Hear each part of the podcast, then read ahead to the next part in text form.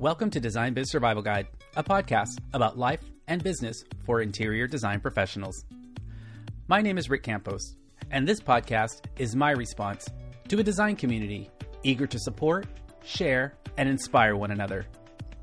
We all know that some things simply cannot be taught in a classroom. I believe that our number one resource for information and inspiration is our peers. Join me as I sit down with industry professionals from across the country to discuss their secret to survival in the business of design. Today, we welcome interior designer, author, and business coach Melissa Galt to the podcast. In this episode, Melissa shares her design journey from the classroom to creative entrepreneur and the aha moment that converted her life of chaos into a balanced, profitable design business. We also discuss Melissa's perspective on attracting affluent clients and what prompted her to write her book of the same name, which has become a staple in every designer's business resource library. Melissa defines the concept of paying it forward. Her unapologetic approach to business strategies and her optimistic perspective will inspire and empower you to thrive in life and business. Before we get started, we'd like to acknowledge our sponsors who help keep the information and inspiration coming week after week. This podcast episode is sponsored by Perch, the design community's premier resource for appliances, decorative plumbing, and outdoor brands. Perch is dedicated to quality, service, and a heightened showroom experience, making them the preferred choice among architects, builders, and designers just like you. With locations in Los Angeles, Orange County, Palm Springs, and San Diego, their interactive showroom experience must be seen to believe fully functional displays, and a demo kitchen featuring the industry's top brands provides the ultimate test drive for design enthusiasts. I'm especially excited to announce the opening of their newest showroom in Mission Viejo and the upcoming grand opening of their showroom in the Laguna Design Center. As a trade professional, you're eligible for their exclusive rewards program, Perch Premier, where you'll earn credits for every purchase of appliances, plumbing, hardware, and outdoor kitchens. This program is loaded with perks and benefits, so sign up today and tell them you heard about Perch Premier on Design Biz Survival Guide. And now, my conversation with Melissa Galt. Well, Melissa, welcome to the podcast. It is so great to have you. Great to be here, Rick. This is exciting to see you again. I'm so glad that we had a chance to catch up and meet in person a couple of months ago. And after doing that, I knew that we had to continue the conversation on the podcast because man, you just have so much good stuff to share, and I really appreciate what you do for the design community. Well, thank you for the opportunity to be here. I mean, you're serving and supporting the community in a huge way, also, and it and it's really a treat to kind of collaborate here. Absolutely, absolutely. So we're going to dive into um, attracting affluent clients today, which is the title of your book. But before we dig into that, let's talk about you for a second. Can you introduce yourself to the listeners so they can kind of be caught up for those that don't already know you? yeah, I'd be happy to. Um, I've got kind of an interesting backstory because design is literally in my DNA. My great grandfather is Frank Lloyd Wright, the architect and icon. And the funny part about that is, I had no idea that he was really a significant figure until he was popping up in my textbooks in design school. And I was like, huh, I think he might have been major.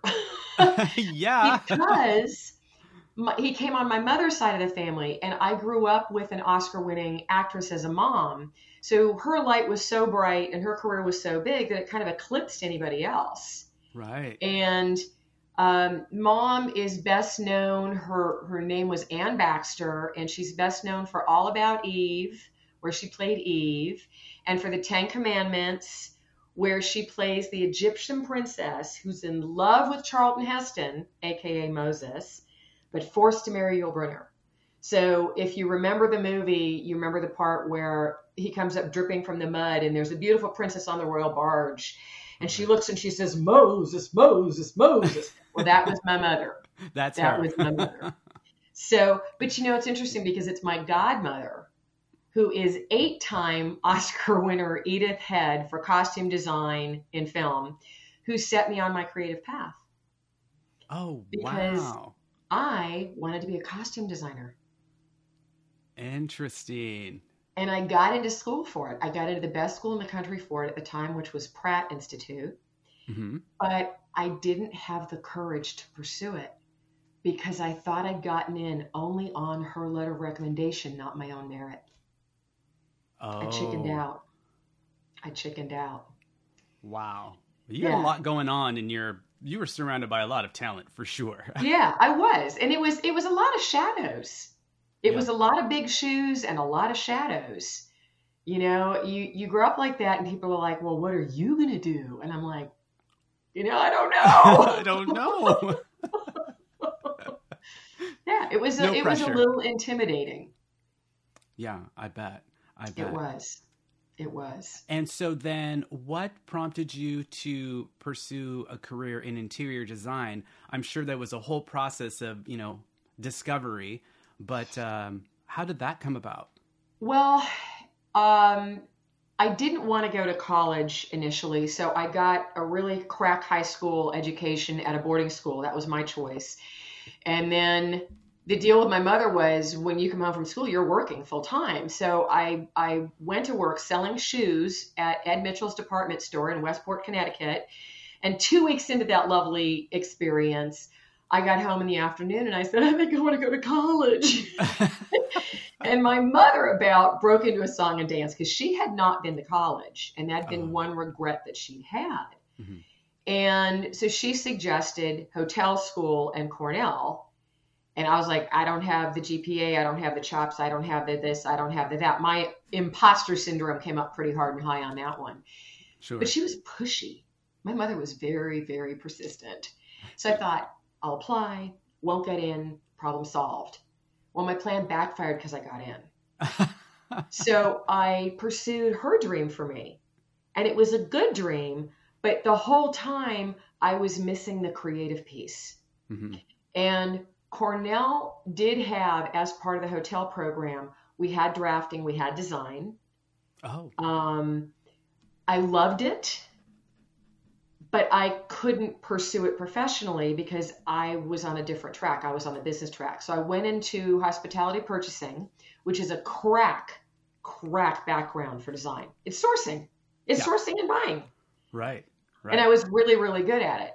And I spent the next five years after college moving cities, states, and companies every eight months, climbing the ladder oh. and mom had passed very suddenly within 12 months of my graduation. But it took me five years to sort of go, wait, I am not happy doing what I'm doing. Right. What's the lesson in mother's passing? And I started to look really hard, and the lesson was do what you love and the money will follow because that's what my mother had done. Mhm. I mean, mom knew at age seven that she wanted to be an actress, but she had to convince her parents to let her take acting lessons. But, you know, age 13, she's on stage, 17 in film, 23, she's won an Oscar. Holy bananas. Right. There you go. So, so yeah, so then I pursued my dream. I went back to school. I got a second degree in design and I was on fire. I was so lit up. I was pulling all nighters because I could. I was turning in four projects for everyone assigned, and then my peers would vote for which one I would turn in because my instructors refused to grade more than one. oh my gosh. It, I, it was it was obscene.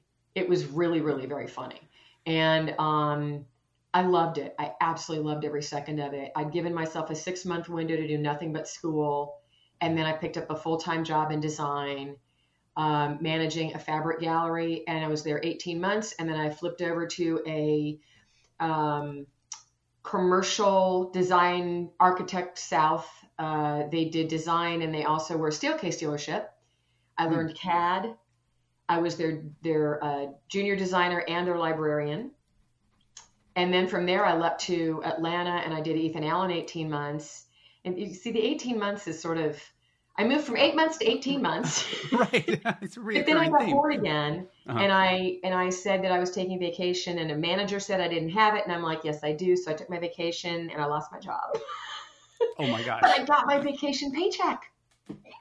Yay. But I was six months premature to my planned startup, and so I had seventy thousand dollars in debt. Mm-hmm. I had a tiny cramped apartment and I had a whole lot of credit card bills. It was a mess. And I just hustled clients at that point. Right. I went out and for those first five years, I did nothing but get clients, get clients, get clients, get clients, get clients, get clients. And I doubled every single year, which was awesome. But right. I was sacrificing my entire life to my business. Yeah. So at what point did that simmer down and did did some balance uh, well occur? I was 5 years in when it was a Sunday afternoon and I was I was really frustrated and and pissed off that I had to work another day. It was like the seventh day of my work week. And right. I was living in a wonderful townhome with a beautiful terrace level office and I stomped down the stairs and I got into my office and I thought something has got to change. I'm not even sure what, but something has got to change. So I stood there for a minute and I thought and I thought and I thought and I went over to this file drawer because I still like to have paper files. And I yanked it open and I took all of my client folders. I had 40 clients. Wow. And I spread them out on the table and I stood there staring at them. And I, I had this sort of epiphany moment. And I was like, wait, wait, wait. So I started sorting. And I took the eight to 10 over here that were my favorites. The ones I loved, I'd get up early for them, I'd stay up late for them. When I would go to their home, they'd offer me a glass of wine. We'd sit, we'd chat.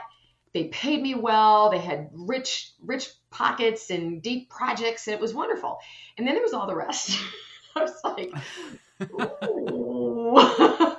they were the, they, they were lovely, but they were more of the nickel and dimers and the whiners and complainers and the ones that required a lot of hand holding, and I wasn't making any money. So the 80 20 rule was happening is 80% of my revenue was coming from 20% of my clients.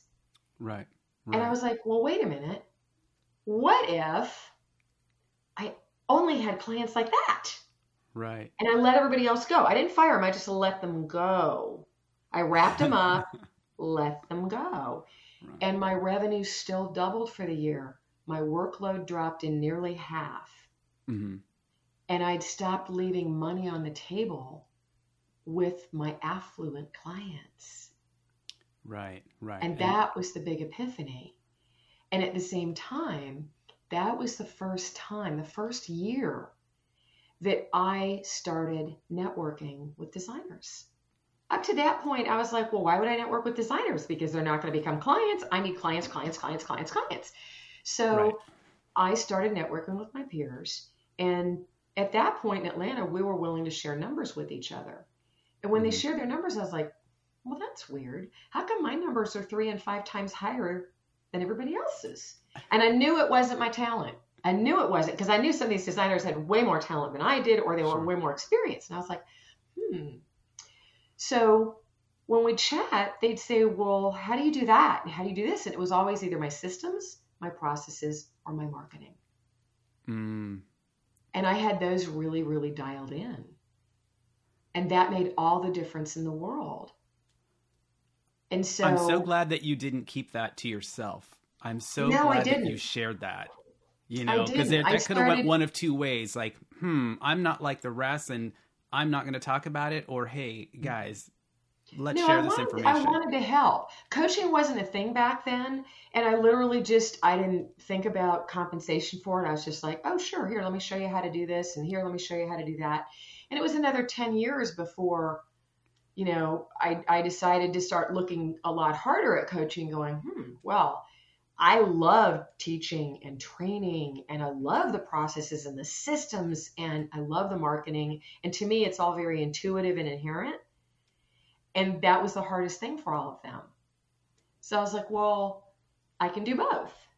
And so then I did both. And I, I still have my foot in design, I have one particular project right now that's going on in Atlanta that, that will be getting the big reveal in the next 60 days. Exciting. Um, which is awesome. Yeah. Um, but the 95% of my energy and focus is coaching because I love the that's business. That's amazing. I really yeah, And I think the business is fun for me. If, it is fun. It is fun. And, and as you learn and you find the things that work, and the things that uh, increase productivity and increase profitability and just make for a better business, um, I suppose you could keep it to yourself, but if you're networking with other designers and you're sharing information, why wouldn't you? I just I just love this new design community is what I call it and how open everyone is to sharing and supporting and elevating other designers. I think it's just an amazing time to be an interior designer. It, it is. It really is. And the and the thing for me that lights me up the most is when my clients um, text me, email me, give me a shout on the phone and say, Melissa, you're not going to believe what happened, or I, it really works. And I'm like, yes, yes, it does. It does. I'm impacting multiple and they're impacting multiple, and the whole thing is just really working on a right, larger scale. Right. Which, which I love. And they're experiencing that feeling that you experienced, and that's one that you want to share for sure. yeah, yeah, it really is. It really is. So you use this process of elimination and discovered that it's the more affluent clients that are more profitable and more fulfilling, probably creatively and probably just across the board. And in doing so, you obviously discovered a lot about yourself and about your business. What prompted you to write the book? Um, what did you see that was missing out there among the design community where you're like, you know, maybe I've, I've explained this a hundred times and I'm just going to write a book about it? Like, what was it?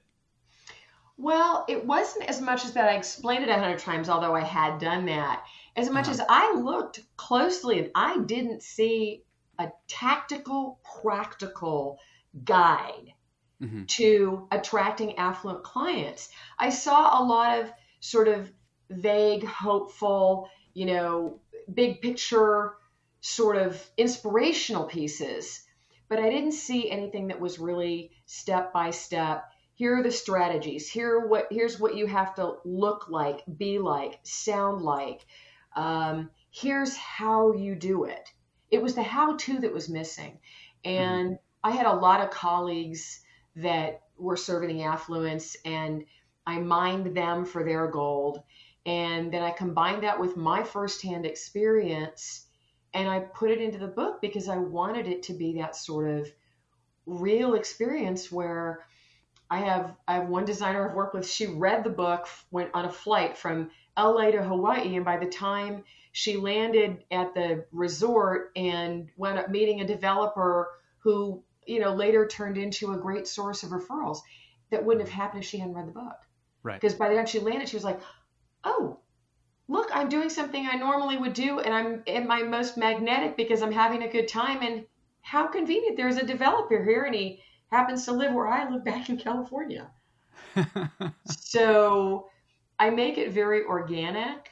Um, I think there's this illusion about working with the affluent that it has to be hard and scary and difficult. And I'm not saying that, you know, you celebrities are a different level. The sure. ultra high net worth are a different level. I'm working with the high net worth.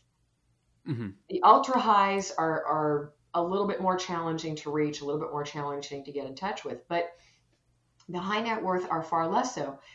They are ordinary people with extraordinary stories completely and and lifestyles yeah so I agree 100%. And what I like about the book too is that it really is it's that resource guide that I think every designer should have. And a lot of the a lot of the points in the book we we hear in bits and pieces, but it's nice to have it all packaged together. And I can see how, and it is an easy read. So you can read it in a six hour flight, no problem. And the impact that it has all together, I think is much greater than piece by piece by piece, you know? So once you embrace it as a whole, it becomes just kind of a part of your process, which mm-hmm. I think is, is, is so valuable. Mm-hmm. So let's talk about a few things that maybe designers think they know about affluent clients, but uh, maybe they don't so much. What were like three of the, the, the top uh, lessons uh, for you that you incorporated in the book that you want to expand upon? I think I love what um, Chris Ramey says when he says you have to fascinate and match values. And mm. you have to captivate the attention of the affluent and then you have to show up with the same value system they have. Uh, I think many of us remember the the Netflix um, binge-worthy show Inventing Anna. Right. And it's such a great example because Anna is doing exactly that. She's fascinating and matching values, and they fall for it and fall for it and fall for it. And the other piece to that that's so valuable is this is about building a relationship. It's not about pitching. Designers get this idea stuck in their head that they're supposed to go out and pitch, pitch, pitch, pitch. I'm yeah. about ditch the pitch, build the relationship. Oh, that's your T-shirt. Every guest has a quote that I'm going to put on a T-shirt, and that's your T-shirt. that's it, because it's it's literally about they know people want their money. They're right. used to dealing with that. They're gun shy about that. That puts them in a place of mistrust. So mm-hmm. instead, you want to cultivate trust and build rapport and create that opportunity for them to say, I know you like you, trust you, I want to work with you. We're taking a quick break to recognize another one of our partners who helps keep the information and inspiration coming week after week. This podcast episode is sponsored by Design Manager, the design trade's most reliable project management, purchasing, and accounting platform. The business of design is complex and requires solutions developed specifically for our industry. Design Manager has invested decades responding to the needs of interior design professionals and continues to deliver innovative tools to manage your design business with efficiency and profitability in mind. Visit designmanager.com to start a free 30 day trial of the tool trusted by top interior design firms across the country. And you know what? That doesn't cost you any money. You know, no. that's what I think the biggest lesson overall in the book is, and by gathering all of these um, tips and strategies together, is that there is a misconception that um, to fascinate and match, you may have to drive the same car as your client. And that's not necessarily true. It doesn't cost money to match values. No, it doesn't. What it does require, though, is that you come from a place of being the designer that can work with the affluent and you dress the part, you tech the part, you um, know how to speak the part that you're not going to go to the free wine tasting down the street to connect with clients. You're going to invest in the 250 or the $1200 wine dinner. Right. Because you know where they hang out. And you mm-hmm. understand there is a, a, a socialness to this because a lot of those clients are very social. In my case, interestingly, most of mine matched with me because they were fellow business owners, entrepreneurs, and they often had two or three businesses but they recognized the work ethic and yes. the passion for business. Yes. And that was one of our common values. I think that is one of the best client profiles, if you will, is, you know, if they're business owners as well. Um, it could also be um, challenges as, as well because they know what it takes to run a business and they're watching you and they understand the process that you're going through. They know when you're taking a shortcut you know what I mean? And they know when you're not providing them service or value. Um, so you have to be very on point. But I think if that alignment is there, it's it's a match made in heaven. Some of our best clients were just scrappy, salt of the earth, hardworking business people, yeah. um, and they just we actually learned so much from them during the process. It almost seems selfish. yeah, it's it's a very reciprocal learning relationship yeah. And and a lot of those are millionaires next door. And you know, I always kind of kind of giggle when I look at Warren Buffett because he's a billionaire next door. Mm-hmm. And and so his same values, which are very grounded, very down to earth, are are what my clients have. And and they're fun to work with. Right. Absolutely. What are some other tips? What is another big one? Um really it is that place where you have to realize they're not untouchable mm. and that they are human beings and that they have complicated lives Right. And so if you're not getting the communication from them that you want, if you're thinking, oh, well, they're not interested, you need to take the the I I I out of it, and you need to go, well, wait a minute, what do I really know about their life? And you know, they could have a, a teenager in crisis. They could have a merger with an issue. They could have uh, a friend with cancer. They could have their own health challenges, none of which they're disclosing to you. Mm-hmm. You've got to remember that clients have a lot more going on in their lives than just design. We're about design front and center. That's our everything. But for them, it's one small piece of everything that they're doing. The more effectively you handle it completely and require less of them, the stronger the relationship will be and the better the outcome will be. Because then you're really driving it, you're leading it. Right. So, on a yeah. sense, I'm a fan of less collaboration and certainly not the reliance on the client. I want to lead it and have them just going, yes, yes, yes. Because for them, Meg Ryan moment.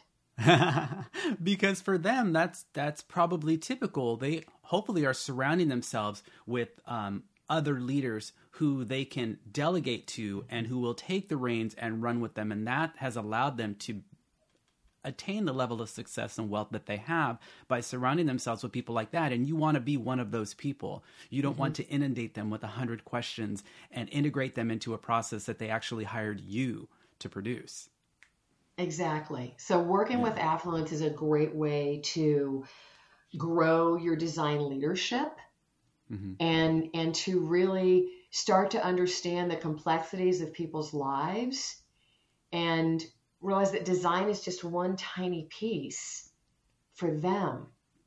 For right. us it's it's the be all and end all, but for them sure. it's one small piece. Right, right. Let's talk about the client experience for a moment because you touch on that in the book, and I think it's actually woven through the entire book uh, because it's such a huge part of what we do. And I know it's kind of a hot topic. I'm actually doing a big presentation on it at my retreat in October. Um, but I'd like to get your perspective on the client experience and just that interaction with the client and what their expectations really are.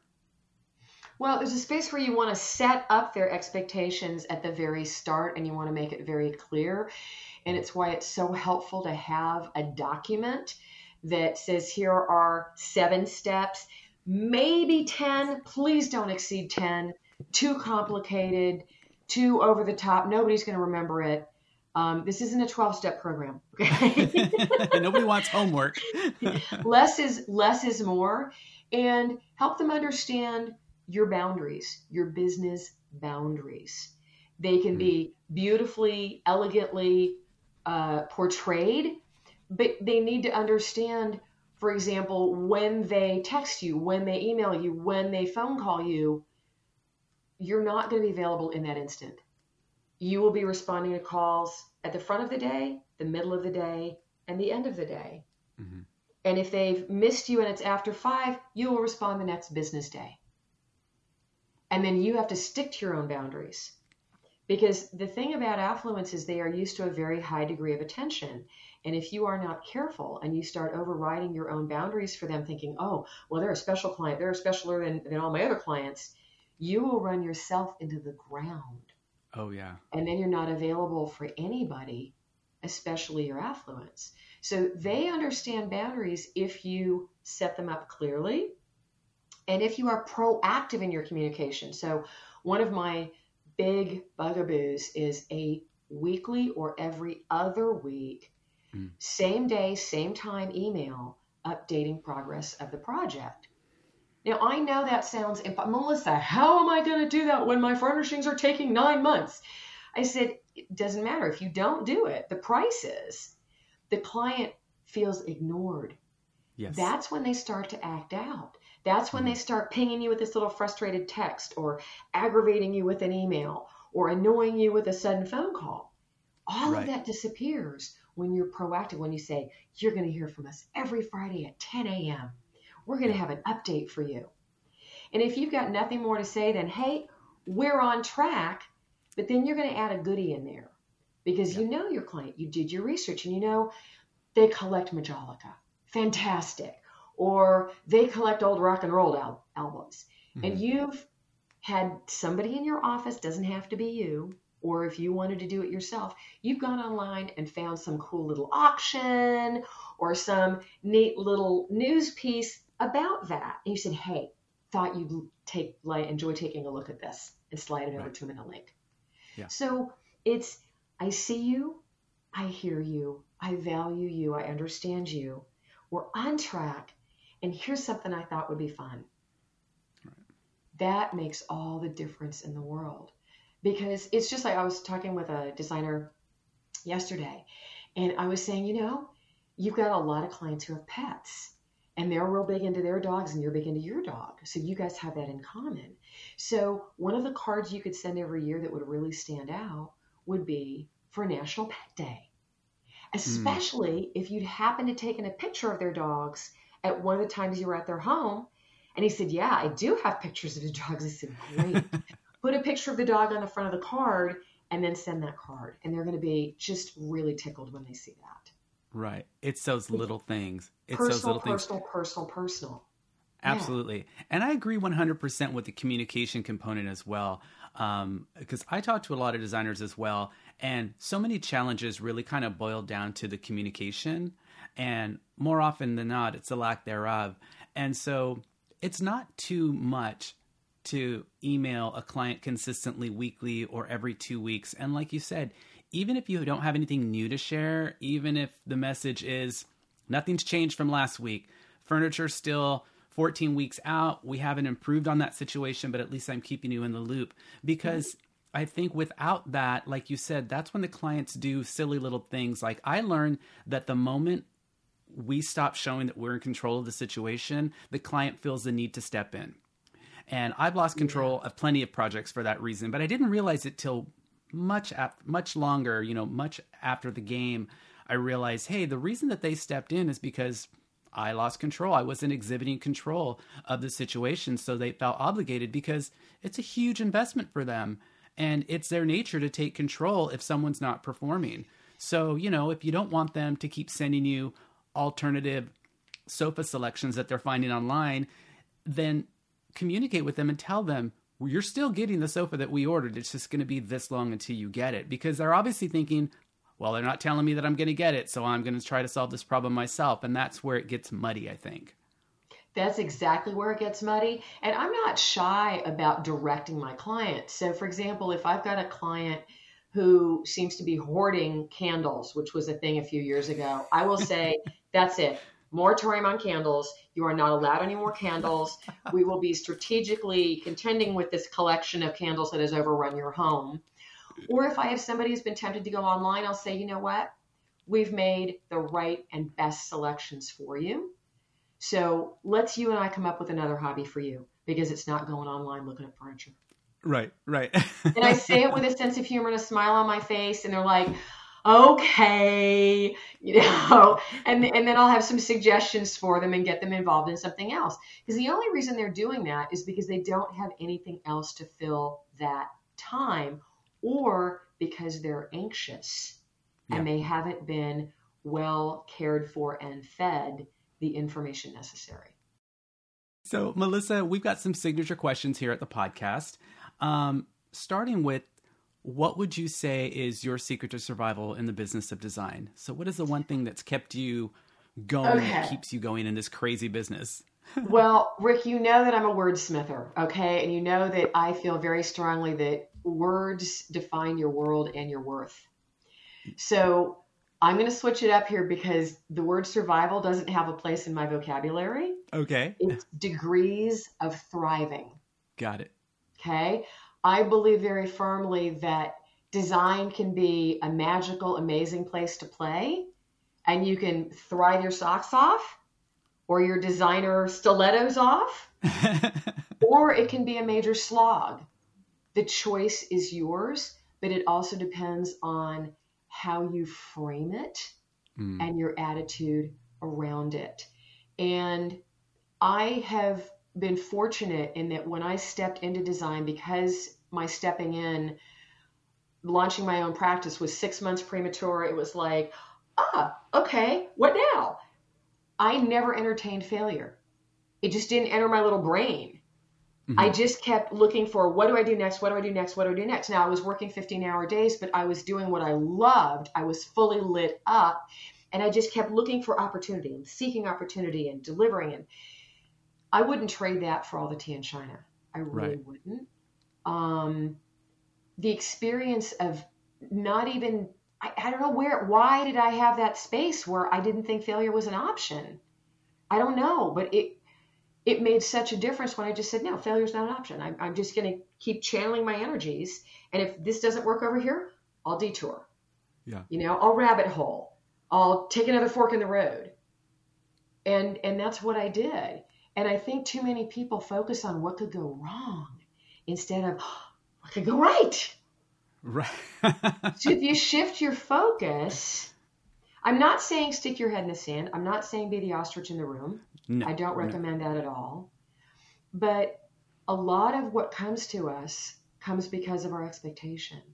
Mm-hmm. And if I'm expecting everything to tank and everything to be a mess and everything to be horrible and there to be this failure, it's probably going to show up that way. Oh, yeah. You're just going to drag yourself right down. Yeah. Yeah. So it's it's the word choices, it's the framing, it's the positioning of it, and it's the keeping the goals and the possibility in front of me if I don't have goals, where am I going? Right. I'm winging it. you know, you got to have a goal. There's five different ways to reach the goal, right. but you got to have that goal and don't yeah. let that go. You can't wing it. What do they say? Hope is not a business plan. Hope is not a strategy. no, it is not. It is not. Uh, Melissa, what would uh, what would you say is the one thing you know now that you wish you knew then? Um, maybe when you started your business. Oh, I I really wish that I'd known I didn't have to sacrifice those first five years of my life to my business.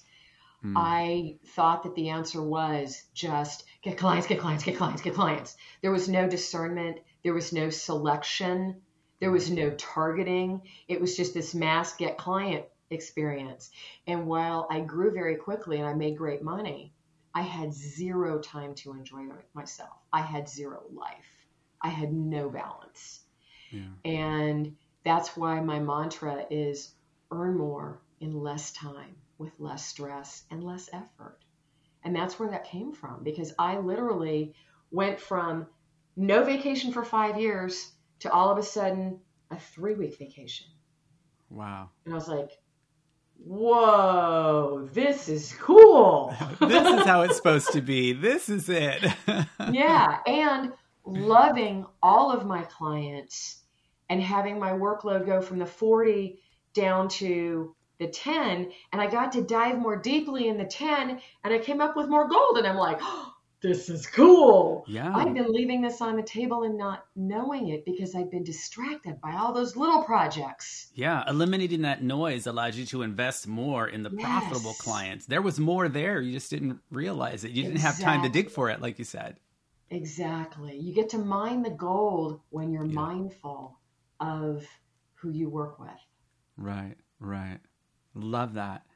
And I changed up my last question because it's a conversation that I've been having with a lot of design professionals and people in our industry lately. So, what would you say is the definition of success for you? What is your definition of success personally? Okay, this is shockingly easy. Good. Um, I came up with it several years ago, and I've been saying it for ever since.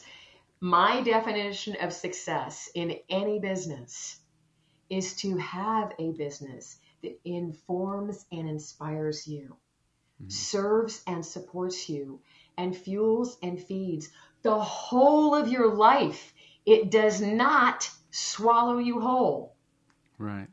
And and the and the feeling for me is that your business is fueled by the life that you've designed, and your business delivers the time and resources for the life of your dreams. And if it's not, then there's something broken on one side or the other.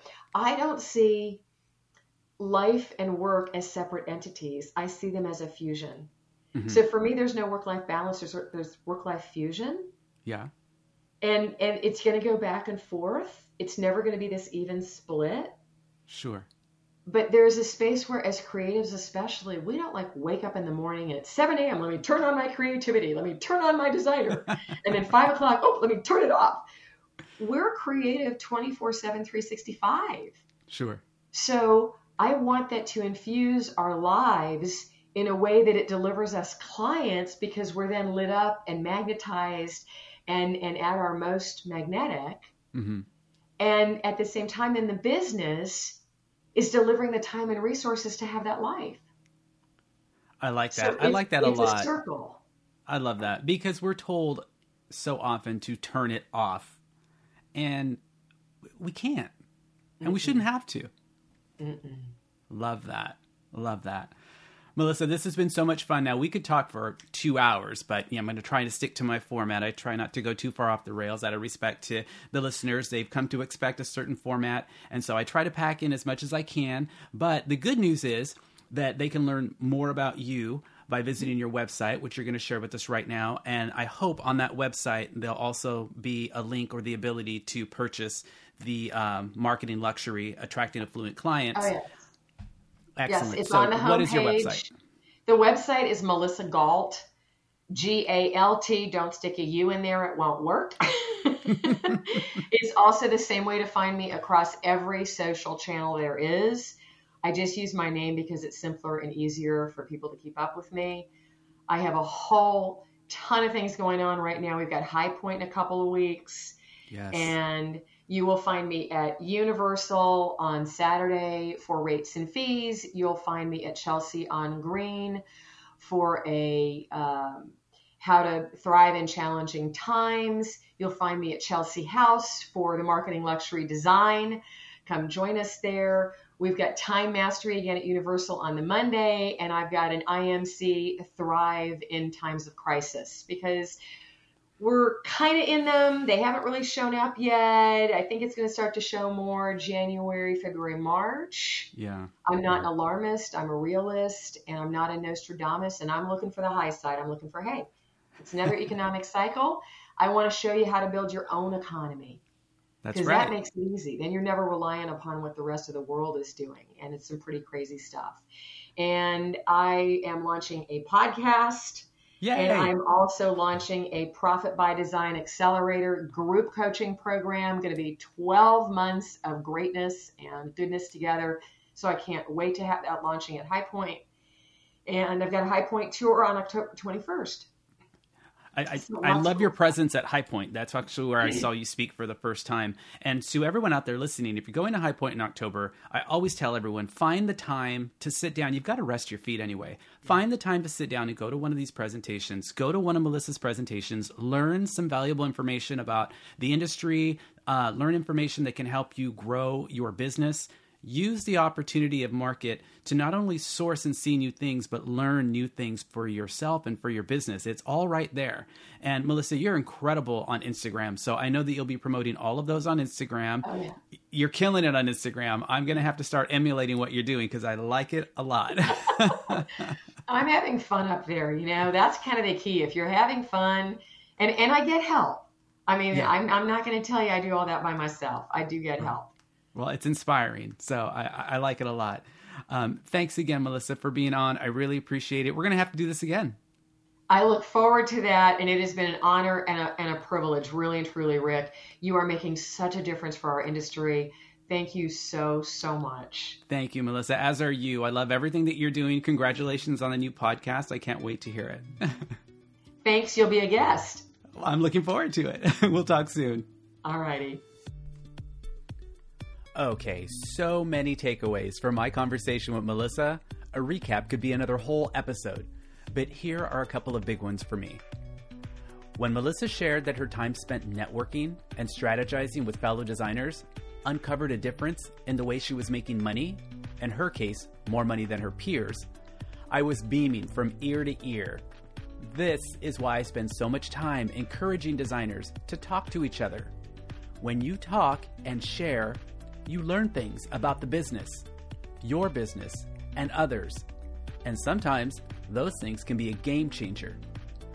Melissa chose community over competition, took it one step further, and began coaching. And as a result, she's had a positive impact on countless design professionals and their businesses. My other big takeaway was when Melissa said that when engaging with affluent clients, you have to fascinate and match values. You have to captivate the attention of the affluent customer and then show up with the same value system they have. They are humans first, and they are business people just like you and me. They have expectations, they have personal lives and challenges. They value structure, and they command attention.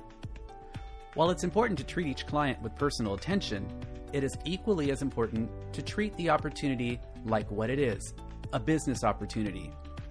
Set expectations, employ boundaries, and demonstrate leadership. Now, if I know my listeners, I know you're multitaskers, and you've probably already ordered Melissa's book, Marketing Luxury Design Attracting Affluent Clients, while listening to this podcast episode. If you haven't, I encourage you to do it now. If you plan to be in High Point in October, be sure to catch one of Melissa's amazing presentations. And, in the true spirit of community over competition, I encourage you to subscribe to Melissa's new podcast, The Affluent Creative. If you enjoyed this episode, I encourage you to leave a review, share with a designer colleague, and show us some love on Instagram by posting a screenshot of this podcast episode. Tag us and share your aha moment. Thank you for joining us, and until next time, be safe, be kind, and get out there and inspire.